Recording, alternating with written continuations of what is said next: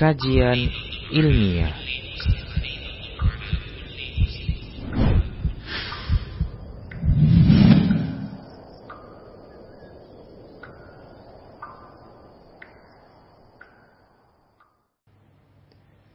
Bismillah, Assalamualaikum warahmatullahi wabarakatuh. Innal hamdalillah nahmaduhu wa nasta'inuhu wa nastaghfiruh wa na'udzu billahi min shururi من يهده الله فلا مضل له ومن يضلله فلا هادي له وأشهد أن لا إله إلا الله وحده لا شريك له وأشهد أن محمدا عبده ورسوله صلى الله عليه وسلم قال الله تبارك وتعالى يا أيها الذين آمنوا اتقوا الله حق تقاته ولا تموتن إلا وأنتم مسلمون يا أيها الناس اتقوا ربكم الذي خلقكم من نفس واحدة وخلق منها زوجها وبث منهما رجالا كثيرا ونساء. واتقوا الله الذي تساءلون به والأرحام. إن الله كان عليكم رقيبا. يا أيها الذين آمنوا اتقوا الله وقولوا قولا سديدا. يصلح لكم أعمالكم ويغفر لكم ذنوبكم. ومن يطع الله ورسوله فقد فاز فوزا عظيما أما بعد. فإن أصدق الحديث كتاب الله وخير الهدى هدى رسول الله صلى الله عليه وسلم وشر الأمور محدثاتها وكل محدثة بدعة وكل بدعة ضلالة وكل ضلالة في النار. Para muslim rahimani wa rahimakumullah, alhamdulillah kita bersyukur kepada Allah Subhanahu wa taala atas semua nikmat yang Allah berikan selawat dan salam. Berikutnya kita ucapkan untuk Nabi kita Muhammad sallallahu alaihi wasallam. Para pemirsa Rosa TV dan para pendengar radio Medan Mengaji di mana saja Anda berada, kita akan melanjutkan pembahasan fikih muamalah dan kita masih membahas tentang al-qard yaitu hutang piutang, akad tabarruat, akad e, ihsan yaitu akad e, berbuat baik kepada sesama. Pada pertemuan yang lalu kita telah sebutkan tentang definisi dari al-qard, kemudian motivasi ya. Definisi dari al-qard bahwasanya al-qard ini adalah uh, akad penyerahan harta kepada orang yang akan memanfaatkannya, kemudian akan mengembalikan ya gantinya yang senilai dengannya di waktu yang telah disepakati. Dan ini adalah mengharapkan wajah Allah Subhanahu wa taala yaitu ikhlas karena Allah Subhanahu wa taala tanpa ada iming-iming keduniaan yang lainnya. Demikian. Baik para muslim rahimani rahimakumullah, gitu, begitu juga kita sudah menyebutkan tentang keutamaan ya memberikan hutang sekaligus kita telah menjelaskan ya eh, kecaman dan sikap keras ya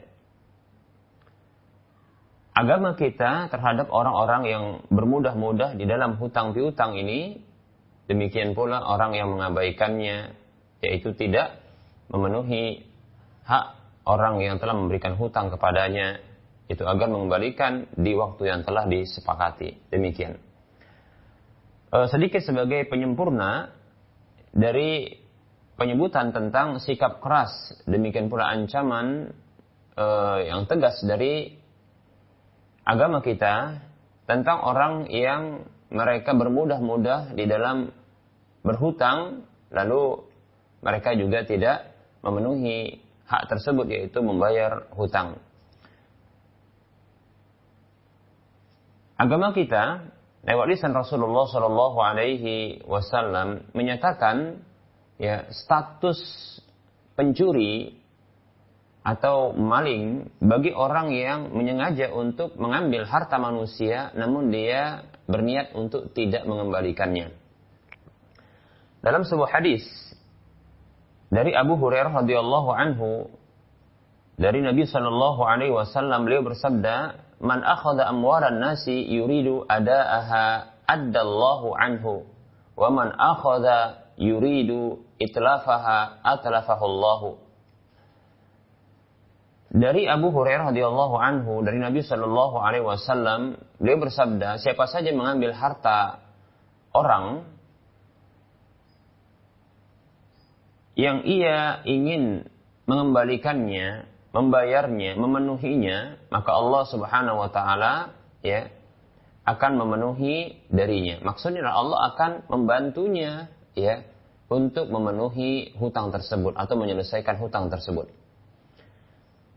Namun siapa saja yang mengambil harta manusia tersebut ingin menghilangkannya, melenyapkannya, menyengaja dia ingin tidak ingin membayarnya, maka Allah akan Allah menghilangkannya. Hadis ini dikeluarkan oleh Imam Bukhari dalam kitab sahihnya. Nah, para muslim rahimani wa rahimakumullah. Ini penjelasan dari Nabi Shallallahu alaihi wasallam tentang orang yang menyengaja untuk tidak mengembalikan hutang di waktu yang telah disepakati. Ya. Maka orang seperti ini ya, akan ya uh, dimudahkan untuk menjadikan harta tersebut tidak barokah bagi dirinya. Oleh karenanya kita dapatkan orang yang bermudah-mudah di dalam berhutang dan dia tidak mau membayarnya, ya kita dapatkan dia berfoya-foya dengan hutang tersebut, uang tersebut atau harta tersebut yang ada padanya demikian. Dan kemudian dia pun akan ya jatuh miskin kembali. Demikian para muslim rahimani warahmatullah. Walaupun kita dapatkan barangkali dia bergelimang harta, namun kondisinya seperti orang miskin. Ya kondisi seperti orang miskin di mana dia butuh kepada orang lain untuk memenuhi ya kebutuhan hidupnya. Demikian para muslim rahimani warahmatullah.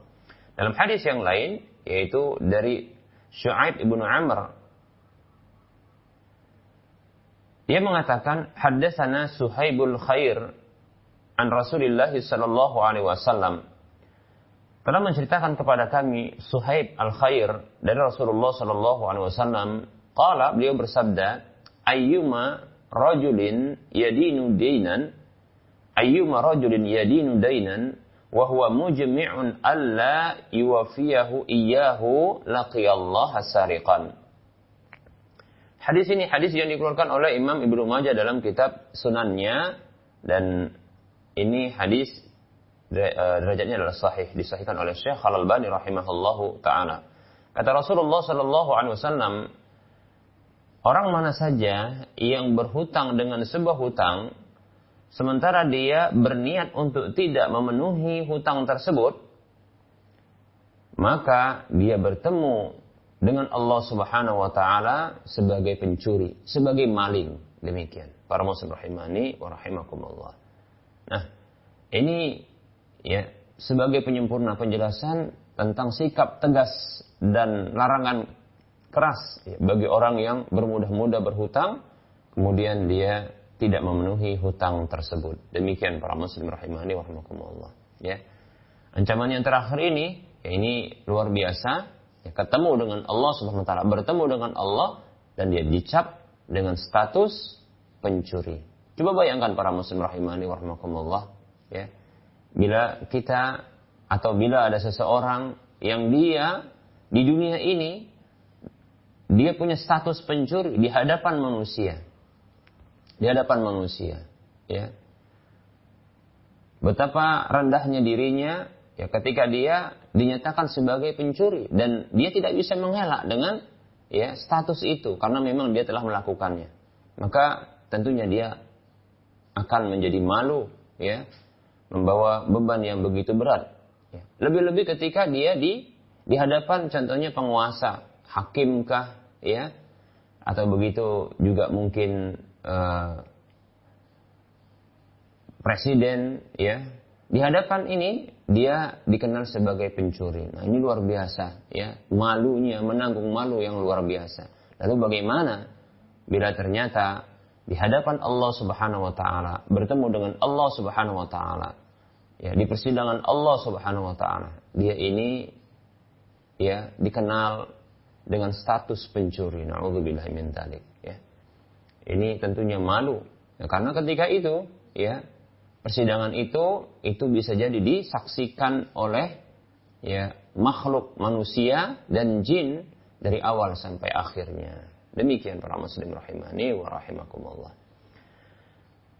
Baik, ya. Uh, dengan adanya penjelasan-penjelasan uh, terkait dengan motivasi untuk memberikan hutang, demikian pula ada sikap tegas, ya.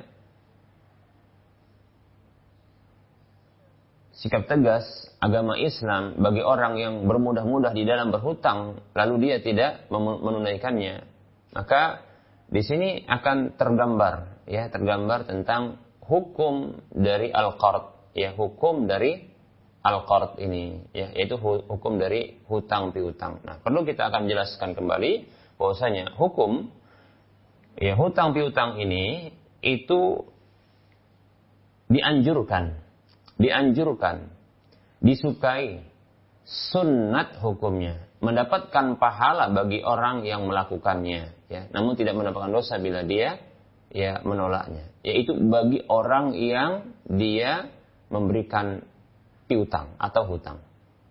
Bagi orang kepada orang yang membutuhkannya. Nah, ini sunnah hukumnya. Bagi orang yang melakukan ini maka ini sunnah bagi dia. Dia mendapatkan pahala ya dan itu bentuk ihsan demikian ini sudah kita jelaskan keutamaan keutamaannya demikian para muslim rahimani warahmatullah namun hukum hutang ini bagi orang yang berhutang adalah boleh. Bagi orang yang berhutang adalah boleh. Ini hukum asalnya, ya. Namun wajib bagi dirinya untuk mengembalikan. Ya, wajib bagi dirinya untuk mengembalikan. Demikian. Ya. Tentunya hukum wajib ini dikerjakan, ini berpahala, ditinggalkan, itu tidak membayar hutang, maka berdosa. Oleh karenanya kita dapatkan ya ancaman-ancaman ya yang keras kepada orang yang mengabaikan hutang. Ya, seperti itu. Kita ulangi, hutang piutang ini bagi orang yang memberikan piutang ya sejumlah harta menyerahkan kepada orang yang membutuhkan dan akan dikembalikan di waktu yang telah disepakati dengan senilainya, maka ini hukumnya sunat ya, disukai, dianjurkan ya, bagi orang yang memberikan piutang tersebut. Dan dia mendapatkan pahala yang luar biasa ya. Pada pertemuan yang lalu kita sudah sebutkan ya orang ini akan mendapatkan kemudahan ya. Orang ini akan mendapatkan bantuan pertolongan dari Allah Subhanahu wa taala. Dan Allah akan melenyapkan ya menghilangkan kesusahannya. Demikian. Karena dia telah menghilangkan kesusahan orang lain dia telah memberikan bantuan dan pertolongan kepada orang lain dan dia memudahkan urusan orang lain demikian para muslim rahimani rahimakumullah Nah, adapun bagi orang yang berhutang, maka hukum asalnya boleh. Boleh dia berhutang. Namun, begitu dia mendapatkan harta tersebut, yang harta tersebut adalah harta hutang, maka berikutnya wajib bagi dia untuk mengembalikan di waktu yang telah disepakati. Wajib bagi dirinya untuk mengembalikan ya di waktu yang telah disepakati. Nah, ini dibuktikan ya dengan ancaman-ancaman yang keras, ya, ancaman yang keras bagi orang yang dia tidak membayar hutang. Bahkan, ya, ini ancaman berlaku juga setelah wafat. Demikian para muslim rahimani wa rahimakumullah. Seperti itu. Nah, tentunya eh, barang-barang atau harta yang dihutangkan tersebut itu sesungguhnya dobitnya atau uh, apa namanya batasannya atau karakteristiknya adalah ya apa saja dari barang-barang yang boleh diperjualbelikan maka dia boleh untuk di, dihutangkan. Demikian ya. Dengan syarat tentunya jelas. Demikian pula barang yang dijual-belikan ini juga jelas maka barang yang dihutangkan atau harta yang dihutangkan ini harus jelas dan orang yang memberikan hutang tersebut adalah memang orang yang dia e, terpenuhi syarat-syarat untuk berbuat baik Demikian. Yang pertama tentunya adalah harta tersebut harta dirinya, harta miliknya, bukan harta orang lain. Demikian. Dan ke kemudian berikutnya dia adalah orang yang sadar secara sadar menyerahkan harta tersebut, bukan orang yang kehilangan kesadarannya atau orang yang kurang akalnya. Demikian, ya. Kemudian berikutnya adalah ya tentunya ketentuan berikutnya orang yang diberi hutang tersebut wajib untuk mengembalikan di waktu yang telah disepakati. Oleh karenanya, nah di sini harus ada penyebutan waktu, ya, penyebutan waktu. Demikian para muslim rahimani warahmatullah. Waktu pengembalian seperti itu. Nah, barang yang dikembalikan maka dia harus sejenis, ya, sejenis dan senilai seperti itu. Seperti itu ya, sejenis dan dia tentunya senilai. Kemudian hukum berikutnya terkait dengan uh, hutang piutang ini, maka berikutnya adalah ya uh, diharamkan ya, diharamkan dalam akad hutang piutang ini adanya manfaat ya yang disetujui dan disepakati. Baik itu kemunculan manfaat ini atas inisiatif dari orang yang memberikan ya orang-orang yang mendapatkan hutang atau orang yang berhutang maupun ya atas permintaan orang yang memberikan piutang atau hutang tersebut demikian ya. ya. Seperti contohnya ungkapan tersebut muncul dari orang yang uh, orang yang dia berhutang ya. Dimunculkan sebuah ungkapan bahwasanya nanti dia akan mengembalikan dengan ya adanya tambahan atau manfaat ya demikian dan demikian seperti itu. Ya. Ketika hal ini tidak ada penolakan, ini menunjukkan persetujuan. Maka ketika itu jadilah dia hutang yang menarik adanya manfaat dan ini adalah riba. Ya. Ada sebuah ungkapan yang disebutkan oleh sebagian para sahabat Nabi Shallallahu Alaihi Wasallam ya seperti Abdullah bin Salam, Abdullah bin Mas'ud, Abdullah bin Abbas dan yang lainnya yang Fadalah bin Ubaid radhiyallahu anhum ajma'in uh, menyebutkan bahwasanya kullu qardin jarra naf'an fahuwa wajhun min wujuhir riba. Atau yang semakna dengan ini setiap hutang piutang yang menarik manfaat apa saja bentuk manfaatnya maka itu merupakan salah satu dari bentuk-bentuk riba dan tentunya adalah haram demikian ya. Nah, perlu kita ketahui bahwasanya manfaat tambahan tersebut ya itu tidak mesti dari barang yang semisal ya atau dari harta yang semisal yang dihutangkan. Tidak, ya. Bisa dengan barang yang lain, bisa juga dengan manfaat.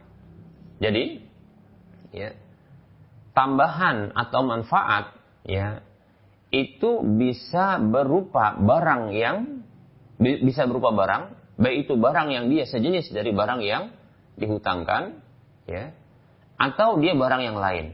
Yang kedua bisa jadi adalah berupa manfaat. Demikian. Contoh, ya, ada orang yang berhutang sekitar satu juta. Ya.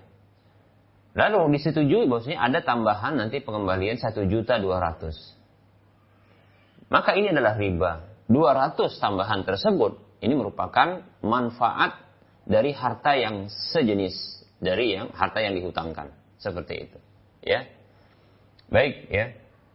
Contoh yang dia berupa tambahannya berupa e, barang lain yang tidak sejenis. Contoh adalah ya, berhutang satu juta maka akan dikembalikan satu juta beserta ya dengan ya satu kotak kue atau satu kotak apa namanya e, roti demikian. Maka yang seperti ini ya bila disetujui dan disepakati maka ini menjadi riba seperti itu.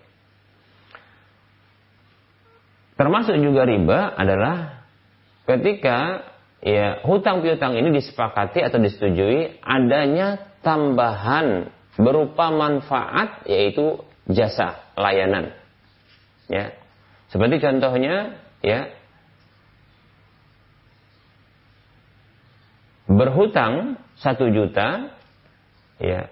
Kemudian ada barang yang digadaikan contohnya seperti jam ya. Jam tersebut digunakan oleh orang yang memberikan hutang atau piutang tersebut ya. Maka yang seperti ini ya ini merupakan bentuk apa?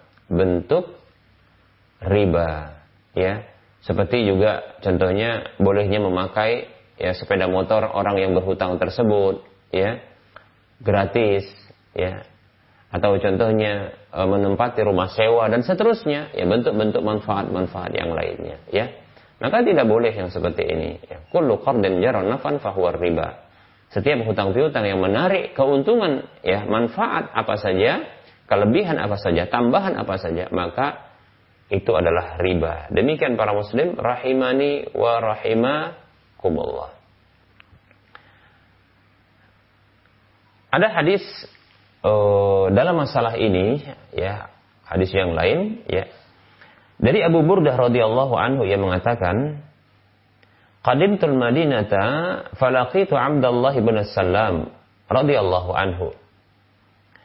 Abu Burdah radhiyallahu anhu mengatakan, aku datang ke Madinah, uh, kota Nabi Shallallahu Alaihi Wasallam. Lalu aku bertemu dengan Abdullah bin Salam, ya, itu salah seorang sahabat mantan Yahudi, ya, Abdullah bin Salam, salah seorang sahabat yang juga mengungkapkan, ya, kullu qardan jarra manfaatan fahuwa riba, ya, setiap hutang piutang yang menarik keuntungan, manfaat tambahan ya apa saja maka dia adalah riba. Ya. Abdullah bin Salam ya mengatakan faqala ia mengatakan kepada Abu Burda intalik ma'i ilal manzil. Ayo mari kita uh, bergerak bersamaku menuju rumahku. Ya. Fa'asqika fi qadhin syariba fihi Rasulullah sallallahu alaihi wasallam. Wa tusalli fi masjidin salla fihi. Ya Ketika ya Abdullah bin Salam radhiyallahu anhu mengajak Abu Burdah radhiyallahu anhu untuk ke rumahnya, dia memberikan sebuah penawaran atau sebuah motivasi agar mau ke rumah, mampir ke rumahnya, ya, dengan uh, motivasi seperti ini, aku akan memberikan minum ya kepadamu dengan wadah ya yang Rasulullah Shallallahu Alaihi Wasallam pernah minum dari wadah tersebut. Dan engkau akan sholat, engkau bisa sholat di masjid yang beliau pernah sholat di dalamnya. Lihat, ya. Dan tentunya ini adalah e, masa pertemuan ini masa di mana Rasulullah SAW telah wafat. Nah, ini merupakan bentuk reuni untuk mengingat kembali masa-masa indah bersama Rasulullah SAW. Ya, ini menunjukkan ya betapa cintanya para sahabat ini dengan Rasulullah Shallallahu Alaihi Wasallam sampai-sampai ya hal-hal momen-momen yang begitu berharga bersama Rasulullah SAW ini dijadikan sebagai bentuk apa? Bentuk e, motivasi ya sesama sahabat ini satu dengan yang lainnya ya. Nah contohnya kalau kita ya nawarin kepada seseorang untuk mampir contohnya sementara mungkin dia punya kegiatan yang banyak dan padat dan orang ini contohnya telah berhijrah walaupun dahulu pernah bersama di kota tersebut, kemudian dia telah berhijrah mungkin di kota yang lain dan dia mampir di kota tersebut dalam kondisi punya urusan yang padat, ya. Punya urusan yang yang penting dan padat, ya. Nah, tentunya kadang sulit ya untuk bisa mengajak mampir ke rumah. Ya. Maka ya ada tawaran yang sekiranya tawaran ini disebutkan, maka ini akan membuatnya mau untuk mampir bersamaan dengan padatnya kegiatannya. Kan begitu. Ya. Ya kalau kita contohkan seperti ini, ayo mampir ke rumah saya, nanti saya hidangkan duren contohnya begitu ya. ya. Yang dikenal bahwasanya durian ini adalah apa? Ya, surganya orang Medan begitu katanya. Ya. Yaitu makanan yang begitu nikmat bagi orang Medan. Kita katakan demikian. Baik laki atau perempuan, anak kecil ataupun orang ya orang yang tua. Baik ya. Ini tentunya akan membuat orang bersemangat, termotivasi untuk bisa mampir. Lihat ya. Abdullah bin Salam radhiyallahu anhu ya, ini memotivasi Abu Burdah untuk mengingat kembali masa-masa indah bersama Rasulullah, orang yang sama-sama mereka cintai ya. Itu dengan cara ya dengan cara untuk apa e, mau mampir ke rumah lantas dia tawarkan ya berinteraksi dengan hal-hal yang indah ini. Ya minum dengan minuman apa namanya wadah yang Rasulullah pernah minum dari wadah tersebut dan sholat di mana Rasulullah pernah sholat ya di masjid tersebut. Demikian para muslim rahimani wa rahimakumullah. Maka Abu Burdah pun, ya, Abu Burdah, dia termotivasi, tersemangati untuk mampir ke rumah sahabatnya Abdullah bin Salam, ya, radhiyallahu anhumah. Fontolak tu ma'ahu. Maka kata Abu Burdah, aku pun beranjak bersamanya. Tadi itu jadi tawaran, ya. Tawaran yang memiliki muatan motivasi yang besar. Fasaqani ya sawiqan wa at'amani tamron, ya. Maka dia pun memberikan minum kepadaku dengan minuman sawiq dan beliau memberikan makan kepadaku berupa kurma. Wasallaitu fi masjidihi dan aku pun salat di masjidnya, ya demikian. Di mana Rasulullah pernah sholat di masjid tersebut. Faqala maka Abdullah bin Salam radhiyallahu anhu memberikan satu jangan. Ini biasa ya. Orang soleh ya dengan orang soleh yang lainnya mereka saling memberikan wasiat, memberikan nasihat yang sekiranya itu bermanfaat dan tidak ada satupun nasihat yang tidak bermanfaat ya bagi orang-orang beriman.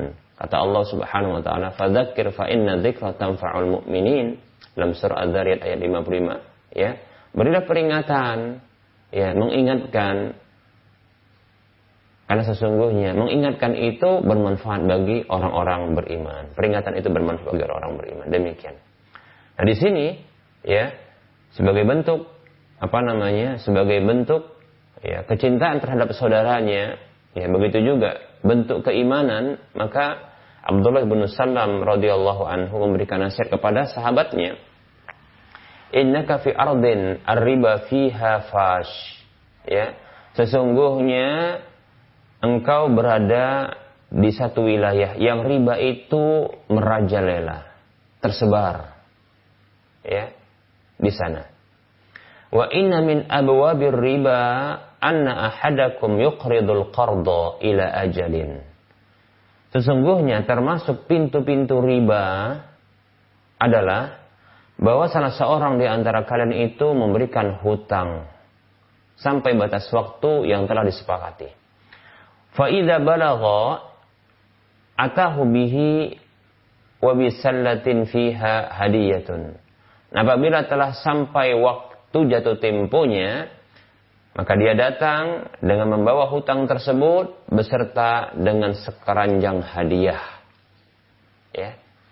Fattaqitil kalsallah wa ma fiha. Maka jauhilah ya keranjang tersebut dan apa yang ada padanya. Demikian. Ya.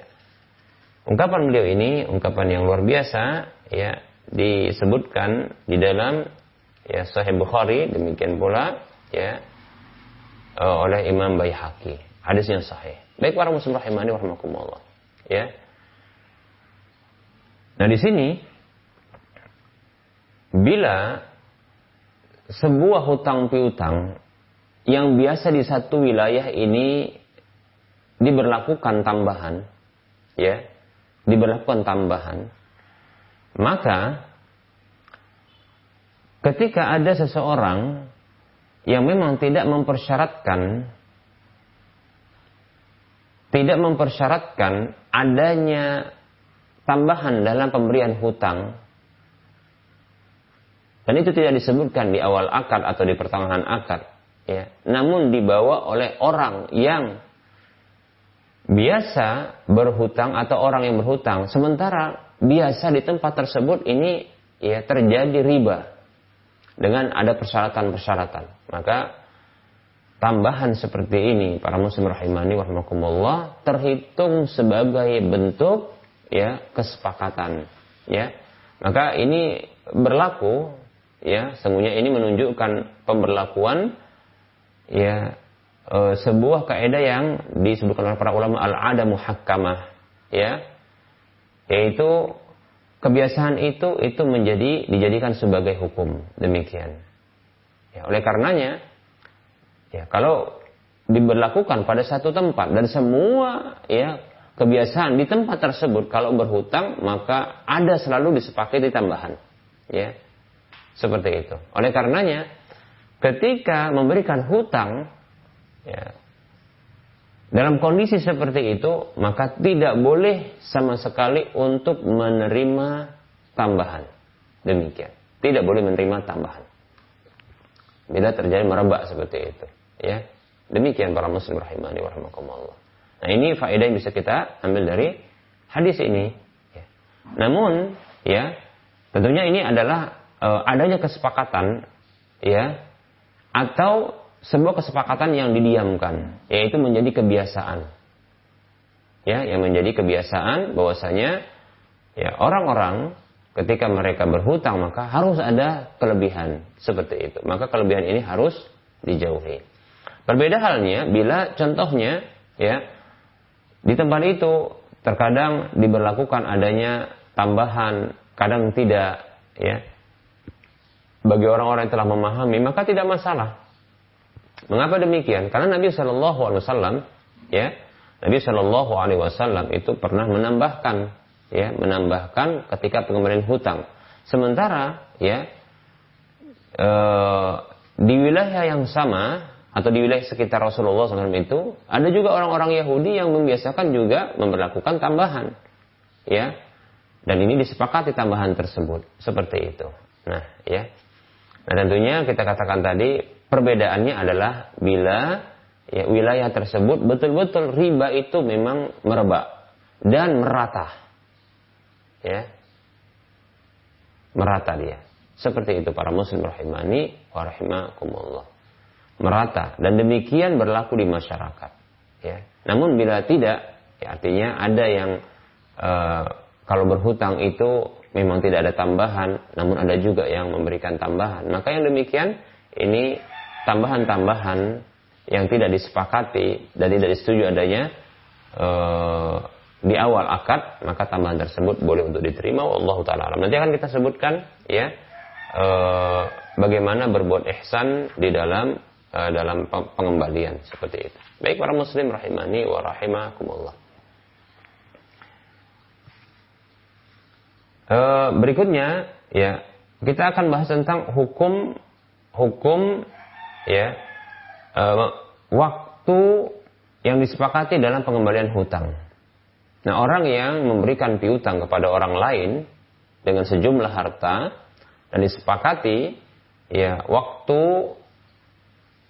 pengembaliannya yang dalam bahasa kita disebut dengan jatuh tempo untuk pengembaliannya ya maka tentunya utang piutang ini karena dia disyariatkan untuk memberikan ya uh, disyariatkan memang dia untuk berbuat baik dan untuk memberikan kebaikan kepada sesama, maka tidak boleh memudaratkan, ya, tidak boleh memudaratkan uh, orang lain demikian, seperti itu.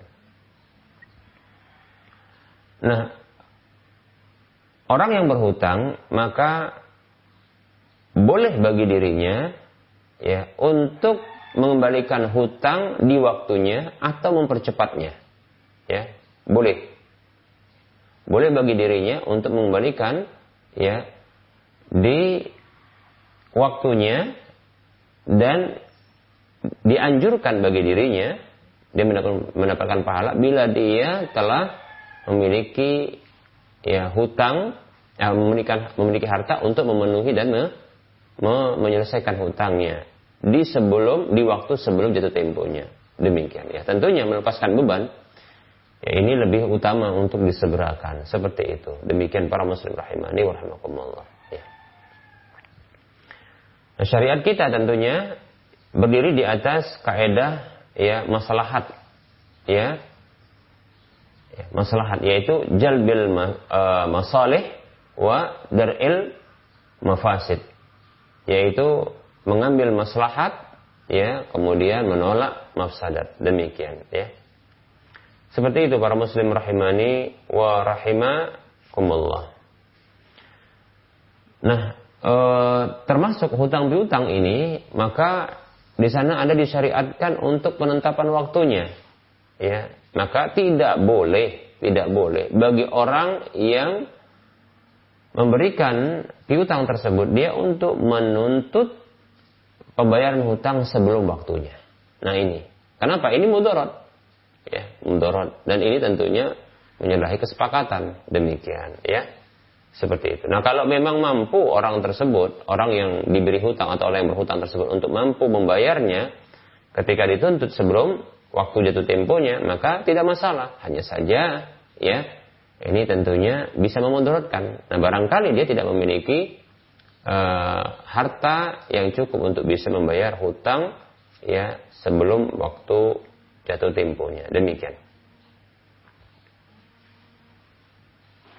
Baik para muslim rahimani wa rahimakumullah.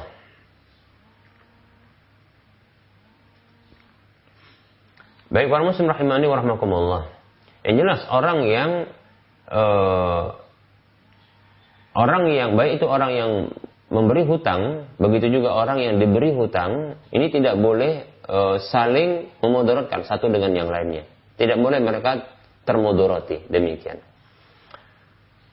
Contoh termodorotinya orang yang berhutang adalah dia dituntut di waktu yang lebih cepat dari waktu yang telah ditentukan. Demikian. Ya. Adapun orang yang memberi hutang, ya termodoroti adalah ya ditunda-tunda pembayaran hutangnya. Demikian, ya. Seperti itu. Ya. Oleh karenanya bagi orang yang berhutang wajib bagi dia untuk ya memenuhi amanah ya harta yang telah dititipkan kepada dirinya untuk dikembalikan di waktunya. Allah Subhanahu wa taala berfirman di dalam surah An-Nisa ayat 58, A'udzu billahi minasyaitonir rajim. Innallaha ya'murukum an tu'addul amanati ila ahliha.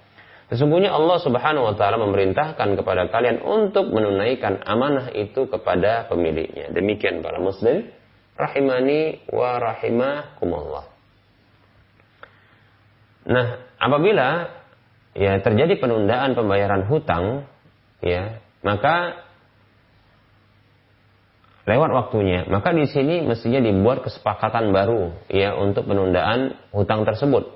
Ya, kapan waktu ya bisa dibayarkan hutang setelah ditunda demikian. Ya. Dan untuk keamanan maka dianjurkan untuk ya mengambil mengambil gadaian atau jaminan atas hutang tersebut. Demikian, ya. Ini sangat dianjurkan sekali, sangat dianjurkan sekali, ya. Ketika barangkali uh, ini sebagai bentuk pengaman ya bagi hutang dan ini pengaman bagi orang yang berhutang demikian pula bagi orang yang yang memberi hutang. Nanti insya Allah taala kita akan bahas secara khusus ya ketika membahas tentang masalah rahan setelah pembahasan ya al-qard ini. Rohan yaitu jaminan atau gadaian setelah pembahasan qard al-qard yaitu hutang piutang. Demikian para muslim rahimani wa rahimakumullah.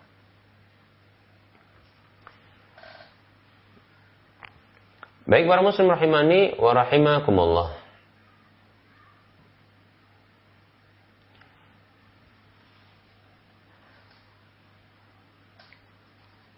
Bagi orang yang berhutang, ya maka berikut ini ya ada e, beberapa hal yang harus diperhatikan terkait dengan penyelesaian atau pembayaran hutang.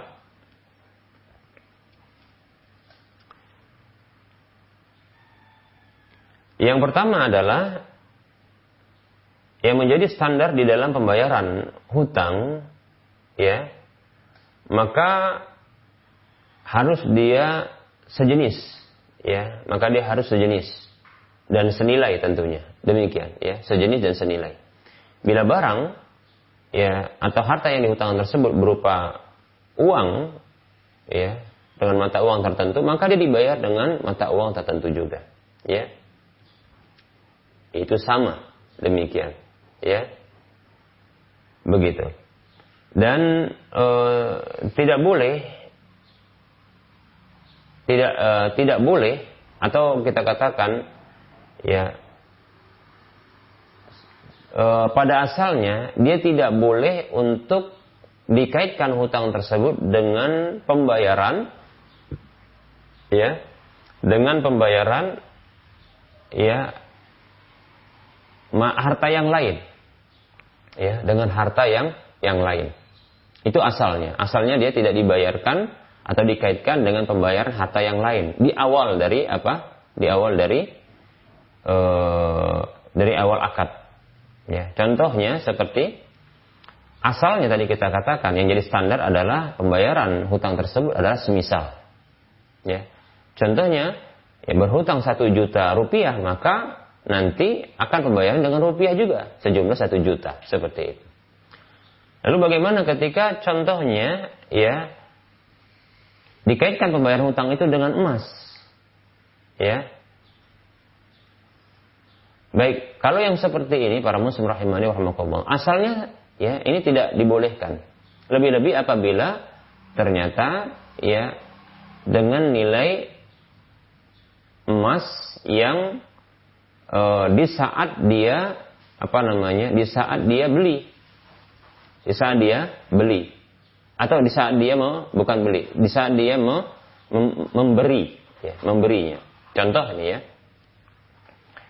Saat ini ya katakanlah emas satu gramnya ya adalah sekitar satu juta. Kita katakan demikian. Katakanlah ya. Pernah naik ya emas tapi nggak sampai satu juta kita katakanlah saat ini satu juta ya Contoh, satu juta. Seseorang dia berhutang 10 juta. Hari ini 10 juta. Lalu disepakati bahwasanya disepakati bahwasanya akan dikembalikan nanti ya dua tahun berikutnya 10 juta ini atau satu tahun berikutnya ini dengan emas ya dan itu 10 gram ditetapkan demikian Maka yang seperti ini tidak benar, tidak tepat, ya. Mengapa demikian? Karena yang seperti ini bisa jadi terhitung adalah jual beli emas dengan tertunda. Ini bisa menuju ya sarana menuju riba nasiah yaitu serah terima barang yang tidak senilai. Ya. Maaf yang uh, serah terima barang yang tidak kontan. Maaf kita ulangi. Ya, memang tidak sejenis, namun dia e, boleh untuk berbeda, hanya saja dia harus kontan. Dan di sini, kalau dipersyaratkan, dia harus dengan nilai. Ketika hutang, nilai emas itu harus e, senilai dengan waktu penyerahan uang tersebut, maka ini tidak benar. Itu dianggap seperti jual beli dengan terhutang. Ya, nanti bayar apa namanya? Bayar Eh, emasnya diserahkan emasnya itu dua tahun atau satu tahun berikutnya. Ini tidak boleh, ya. Seperti itu. Lalu bagaimana yang boleh?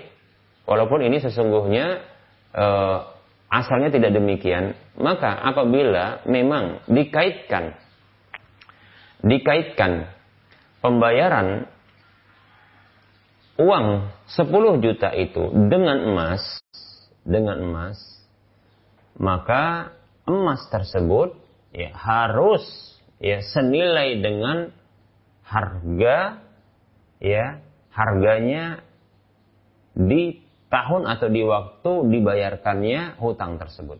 Contoh, ya, berhutang 10 juta hari ini.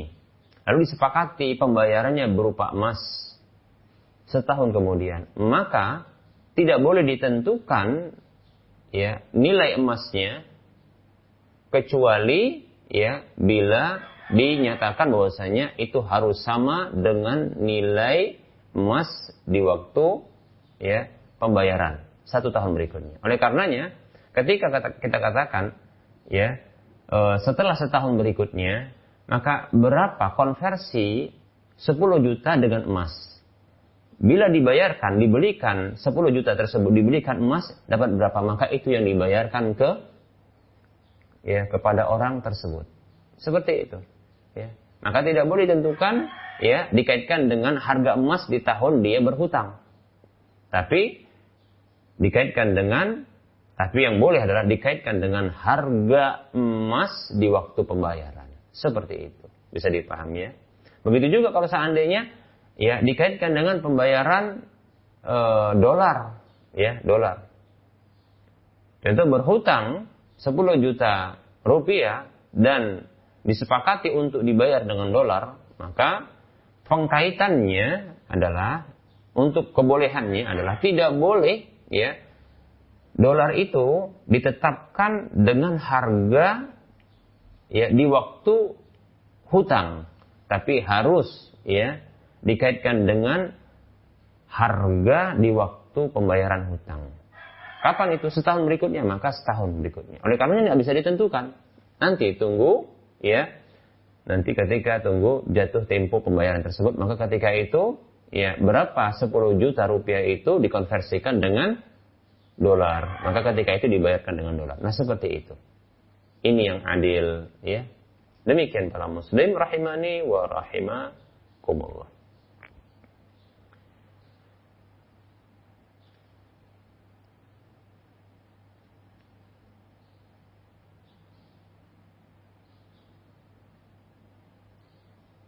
Dan tentunya harus dengan kontan ya, dengan kontan, tidak boleh lagi ditunda. Jadi apabila ya dia senilai dengan waktu, ini syarat yang pertama, ini syarat yang pertama tadi adalah ketika dia dikaitkan dengan uh, barang atau alat tukar yang lainnya, emaskah, perakkah, atau mungkin alat tukar yang lainnya, maka syarat yang pertama dia harus dengan nilai atau harga saat pengembalian jatuh tempo hutang. Demikian, ya.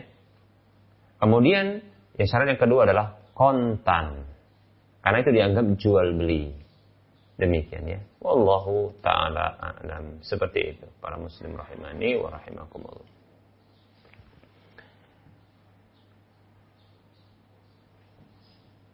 Baik para muslim rahimani wa rahimakumullah. Dua syarat ya tadi sudah kita sebutkan ya untuk uh, pengembalian uh, apa namanya uh, hutang bila dikaitkan dengan uh, nilai pembayaran uh, dari jenis yang berbeda ya dari barang yang dihutangkan atau ya uh, harta yang dihutangkan. Baik para muslim rahimani warahmatullah. Syariat kita menganjurkan kepada orang yang berhutang untuk berlaku ihsan ketika mengembalikan hutang. Bagi orang yang berhutang, maka ada syariat untuk apa berbuat ihsan. Hanya saja tidak boleh dipersyaratkan dan tidak boleh disebutkan di awal maupun di pertengahan. Begitu juga ketika hendak pengembalian. Nah, tidak boleh, ya.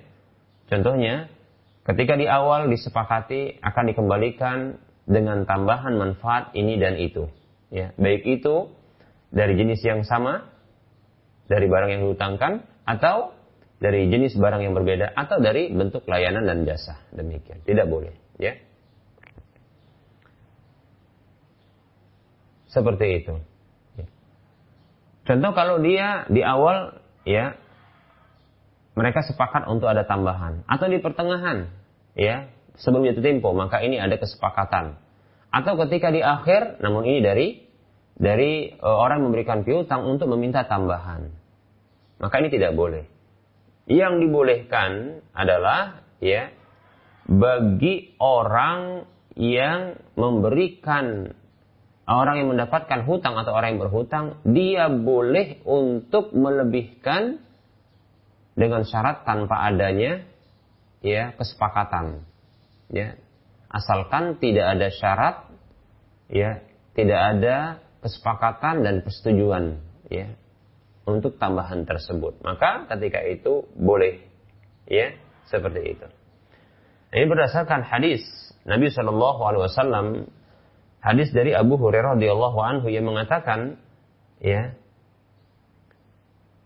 karena li rajulin 'ala Nabi sallallahu alaihi wasallam sinnun minal ibili. Dahulu ya Nabi Shallallahu Alaihi Wasallam itu punya hutang seekor unta dengan usia tertentu kepada ya seseorang laki-laki ya. Fajahu yataqadahu. Lalu datang laki-laki tersebut menemui Rasulullah Wasallam untuk menagih hutang Faqala Nabi Shallallahu Alaihi Wasallam maka Nabi Shallallahu Alaihi Wasallam bersabda a'tuhu berikan hutang itu kepadanya ya Rasulullah memerintahkan para sahabat untuk untuk mencari dan meng, apa namanya membayarkan hutang. Fatalabu sinnahu. Lalu mereka para sahabat radhiyallahu anhu mencari unta dengan seusia yang di di, di, dibutuhkan, yang diinginkan. Falam yajidu illa sinnan fauqaha. Namun mereka tidak mendapatkan kecuali unta ya jenis unta dengan usia yang lebih tua, yang lebih ya. Faqala a'tuhu maka Rasulullah SAW ya mengatakan a'tuhu berikan itu kepadanya. Faqala maka laki-laki tadi mengatakan au au faitani au fallahu bika. Anda telah memenuhi hutang Anda kepada saya, semoga Allah Subhanahu wa taala memberikan pemenuhan kepada Anda. Faqala Nabi sallallahu alaihi wasallam maka Nabi sallallahu alaihi wasallam bersabda, "Inna khiyarakum ahsanukum qada'a." Sesungguhnya orang yang terbaik di antara kalian adalah orang yang terbaik di dalam membayar hutang. Lihat di sini ya, ada uh, tambahan ya, kelebihan di dalam pembayaran hutang, namun tidak ada kesepakatan. Ya, demikian. Tidak ada kesepakatan. Hadis berikutnya, hadis dari Jabir radhiyallahu anhu. Hadis dari Jabir radhiyallahu anhu. Ya. Jabir bin Abdullah radhiyallahu anhu ia mengatakan ataitu Nabi sallallahu alaihi wasallam wa huwa fil masjid. Ya aku mendatangi Nabi sallallahu alaihi wasallam dan ketika itu beliau berada di masjid. Salah seorang rawi mengatakan ya itu waktu duha. Namanya Mis'ar mengatakan bahwasanya itu waktu duha ya. Faqala maka Rasulullah memerintahkan Jabir untuk salat dua rakaat. Salli ini salatlah dua rakaat. Wa kana li alaihi dainun dan Nabi wasallam itu sebelumnya punya hutang kepada aku kata Jabir radhiyallahu an. Faqadani lalu beliau sallallahu alaihi wasallam membayarkan hutang itu kepada aku wazadani dan beliau menambahkannya untukku demikian. Hadis ini hadis yang dikeluarkan oleh Imam Bukhari Abu Daud. Hadis yang sahih. Kalau tadi hadisnya hadis ya uh, tentang orang uh, Rasulullah yang berhutang unta itu hadis dikeluarkan oleh Imam Bukhari, Imam Muslim, Imam An-Nasai. Hadis yang sahih juga. Demikian. Nah, ini dalil yang menunjukkan bahwasanya dalam pengembalian hutang itu boleh dilebihkan asalkan tidak ada pensyaratan sebelumnya, tidak ada persetujuan dan tidak ada kesepakatan. Demikian para muslim rahimani wa rahimakumullah. Ya.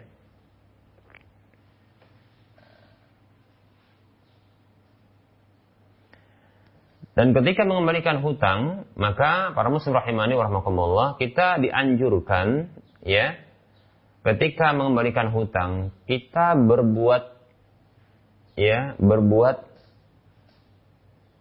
hal-hal berikut.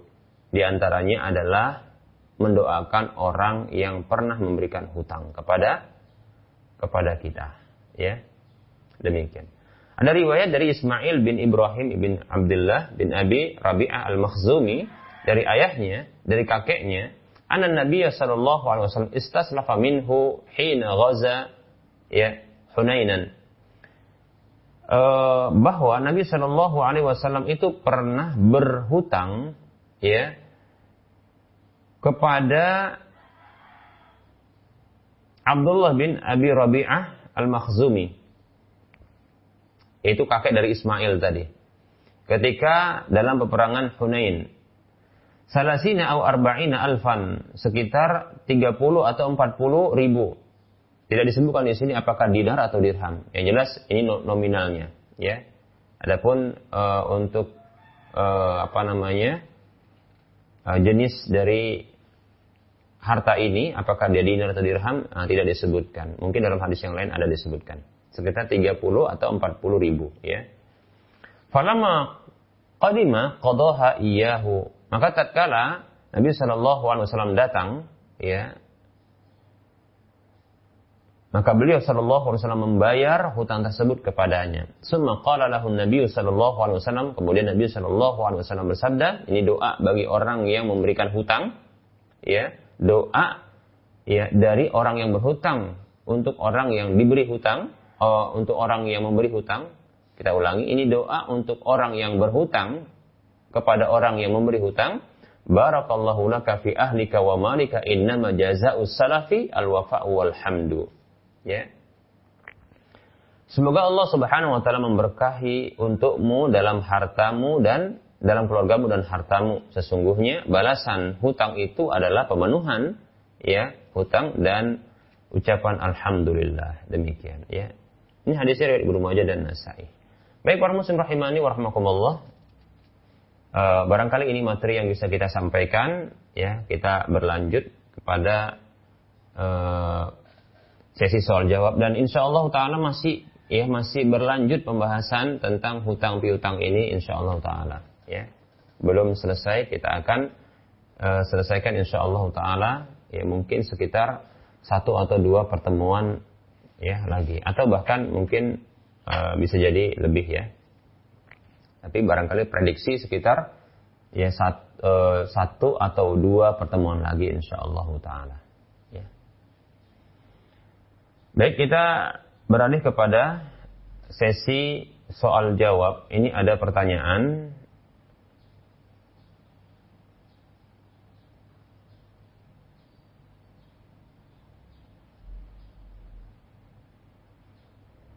yang telah diajukan. Bismillah, Ustadz. Ana mau nanya lagi mengenai aplikasi yang bisa menghasilkan uang. Lagi booming. Aplikasi penghasil uang. Caranya yaitu orang lain memasukkan kode. Kode di yang kita punya uh, kode apa ini? Di yang kita punya dari aplikasi tersebut agar banyak kode dan penghasilan. Saya minta orang lain juga untuk masukkan kode yang saya punya. Wah, kalau begini mah ya pertanyaannya hukumnya bagaimana Ustaz? Jazakallahu khaira. Semoga Allah melindungi Ustaz, ya, tim Rosyad dan keluarga. Amin wa anta kadzalik. Maaf ini, ini uh, apa namanya uh, info tentang aplikasi seperti ini ini belum lengkap dan saya tidak berani untuk menjawabnya dalam kondisi belum lengkap seperti ini. Ya ini maaf ya, saya tunda untuk menjawabnya. Dan ini tidak mudah untuk menjawab pertanyaan seperti ini, ya. Apalagi uh, terlalu ringkas, ya terlalu ringkas, ya. Uh, saya butuh untuk mempelajarinya, ya mengenali sistemnya, ya, skemanya, nah, sehingga tidak jatuh kepada kesalahan, ya seperti itu. Demikian. Lebih-lebih barangkali uh, para ustadz-ustadz yang lainnya yang juga uh, mendalami fikih muamalah ini belum berbicara tentangnya atau sudah berbicara namun barangkali belum sampai kepada kita. Oleh karenanya saya belum bisa uh, menjawabnya. Inti dari alasan uh, saya tidak bisa menjawab pertanyaan ini adalah karena belum lengkapnya skema atau sistem dari aplik, apa e, pertanyaan ini. Ya, sehingga saya itu belum e, atau kasus ini. Belum lengkapnya skema atau sistem dari ya kasus yang ditanyakan ini. Demikian ya. Seperti itu. Apalagi dia sifatnya aplikasi ya. Ya contohnya kalau ditanyakan masalah Gojek contohnya ya. Ternyata tidak sesimpel yang di dibayangkan, dijelaskan apa hukum Gojek orangnya demikian demikian. Ternyata dia melibatkan dari beberapa ya unsur.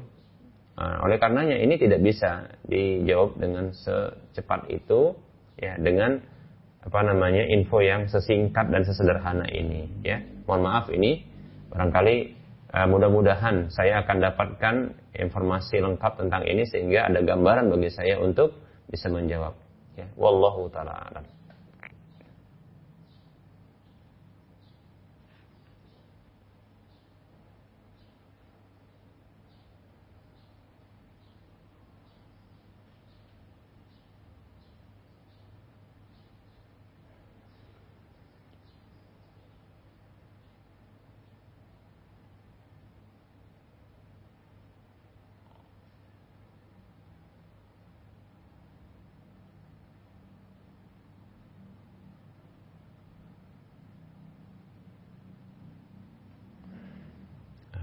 Pertanyaan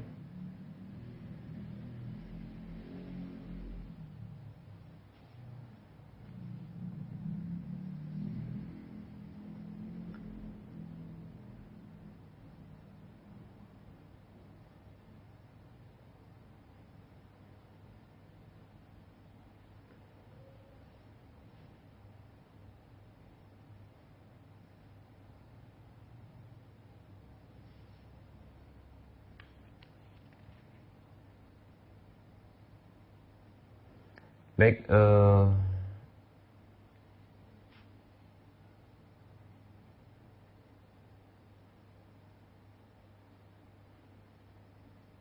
pertanyaan studio tidak ada? Nah, baik ini ya.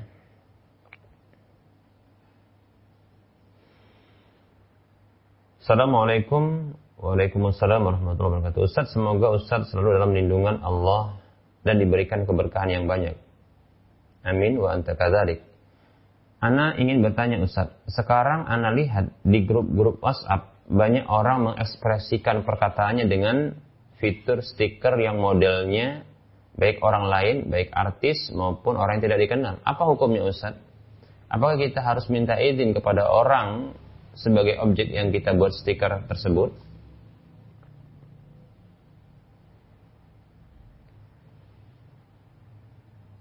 Baik, ya kita jawab. Waalaikumsalam warahmatullahi wabarakatuh. Ya, terkait dengan stiker-stiker uh, makhluk bernyawa, ini tentunya adalah gambar. Ya, stiker ini adalah gambar. Ya, hanya saja dijadikan uh, sebagai uh, pengungkap dari uh, orang yang mengirimkannya. Seperti itu ya. Menunjukkan apa? Ketika ada kesesuaian ungkapan dalam stiker tersebut beserta dengan orang yang ada di dalam stiker tersebut ya itu dengan uh, pengirimnya maka ketika itu ini menjadi sebuah stiker ya begitu. Dan ini kebanyakannya adalah dia bergambar ya. Maka dalam hal ini ada beberapa hal yang uh, yang merupakan masalah atau kasus. Pertama adalah terkait dengan e, gambar itu sendiri, ya. Kemudian yang kedua adalah terkait dengan apa yang ditanyakan tadi, ya, yaitu e, mencuplik gambar ya orang lain, baik itu artis atau siapa saja dengan gambar yang sangat lucu, lalu disertai dengan apa? Lucukah atau apa begitu, lalu disertai dengan tulisan-tulisan, ya, seperti itu. Baik, ini dua hal barangkali yang saya bisa tangkap masalah ini ya.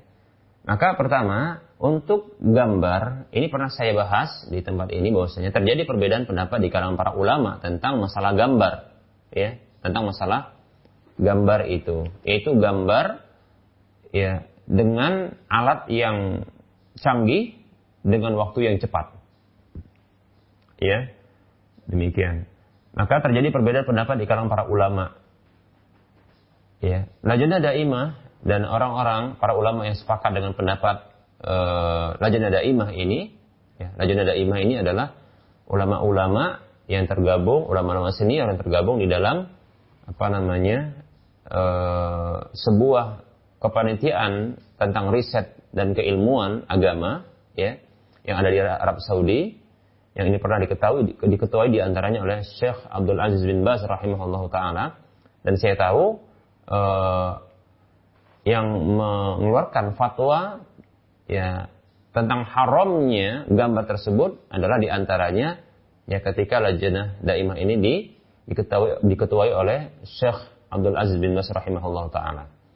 Ya, mereka ketika itu ya dan sebetulnya ini adalah fatwa e, saat ini sampai saat ini juga masih dipegang haramnya gambar-gambar. Ya, bukan video ya, gambar. Ya, gambar walaupun dengan alat yang canggih dan waktu yang cepat demikian ya. Ini haram. Kenapa? Karena tetap saja disebut dengan gambar ya.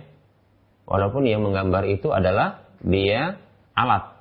Namun alat ini kan diciptakan oleh atau dibuat oleh manusia dan ini harus dengan sentuhan tangan juga demikian ya. Dan ini sudah kita sebutkan dalilnya ya. Dalil yang pernah kita eh, sebutkan di antaranya adalah hadis Nabi Shallallahu Alaihi Wasallam Inna dan nasi ada qiyamati indallahi al musawwirun. Kata Nabi Shallallahu Alaihi Wasallam sesungguhnya orang yang paling keras siksanya di sisi Allah pada hari kiamat adalah orang yang tukang gambar, orang yang menggambar demikian. Dan hasil dari gambar tersebut disebut dengan surah demikian. Dan ini sama begitu. Baik para muslim rahimani warahmatullah.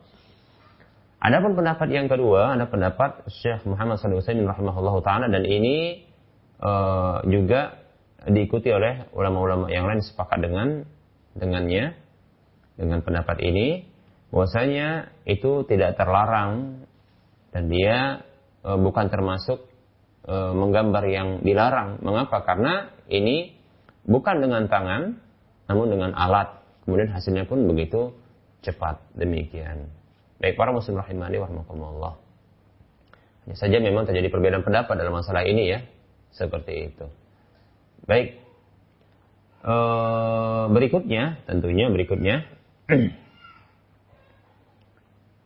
e, kalau saya kecenderungannya adalah e, saya condong kepada keharaman ya sehingga saya pribadi tidak memunculkan stiker-stiker yang bergambar manusia, stiker-stiker eh, apa namanya hewan dan seterusnya ya seperti itu. Bahkan gambar-gambar ya berfoto pun ya eh, saya hindari sebisa mungkin demikian. Baik para muslim rahimani wa rahimakumullah. Ini kecondongan kalau saya ditanya demikian. Namun tidak masalah bagi orang yang berpendapat eh, bolehnya untuk ya berfoto, menggambar ya seperti itu ya dengan alat. Baik para muslim rahimani warahmatullah. Permasalahan kedua yang belum saya sebutkan tadi dan ini uh, saya sebutkan terlebih dahulu supaya tidak lupa itu terkait dengan uh, apa namanya kondisi gambar tersebut.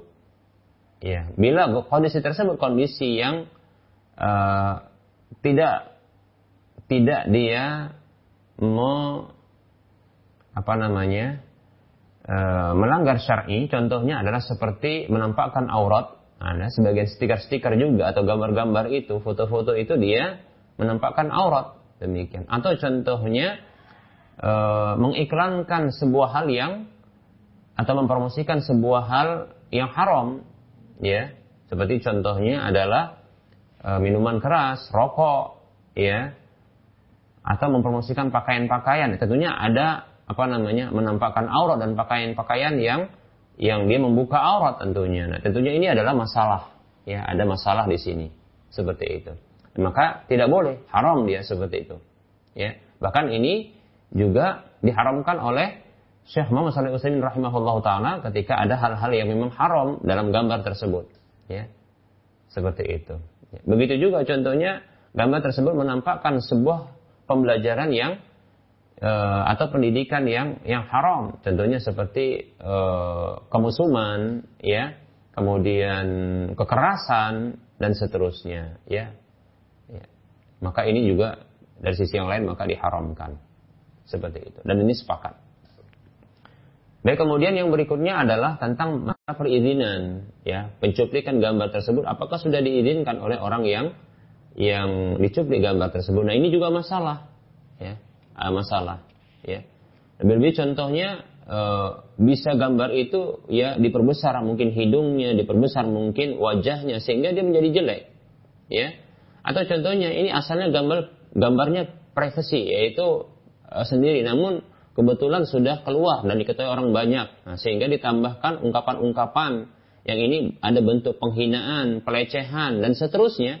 Maka nah, di sini ada larangan berikutnya ya. Seperti itu ya. Lebih-lebih apabila gambar tersebut dia memiliki uh, hak cipta ya. Di sini ketika dicuplik ya diambil tanpa izin maka ini jadi masalah. Nah ini jadi kompleks permasalahannya. Ini kom kompleks ya oleh karenanya sebaiknya sebaiknya ya ya tidak uh, tidak mencuplik stiker-stiker ya yang bergambar manusia ataupun hewan. Ya kalau hewan kita katakan ya nggak perlu kita untuk apa? Untuk me, apa namanya minta izin kepadanya. Ya. Barangkali hewan ini permasalahannya adalah dia pada e, pada sisi yang pertama atau masalah yang pertama tadi yaitu bolehkah ya gambar makhluk bernyawa ini itu dipajang seperti itu.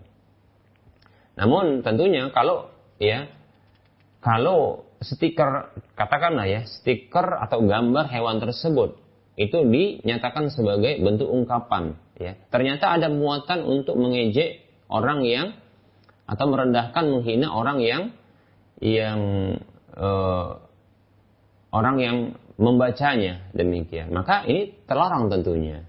Ya jadi ada faktor-faktor yang lain yang bisa membuat dia terlarang. Seperti itu. Wallahu taala alam. Yang jelas kalau saya pribadi ini kompleks masalah dan kasusnya ya. Karena terkait dengan apa? Adakah izin ya? Kemudian kalau dia seandainya sudah dapat izin memang itu kan gambar gambar sudah tersebar. Ya tentunya orang yang menyebarkannya maka ini tidak masalah ya. Karena memang dia setuju untuk apa namanya dilihat kemudian diambil gambar tersebut. Nah, kita katakan baik. Kemudian eh, apa namanya eh, penyematan kata-kata yang ada di sekitar gambar tersebut. Apakah ini merugikan orang tersebut atau tidak? Atau merugikan orang lain? Nah seperti itu. Ada kedoliman kepada orang lain ataukah tidak belum lagi barangkali gambar tersebut apakah dia membuka aurat ataukah dia mempromosikan sesuatu yang haram ya dan seterusnya. Baik.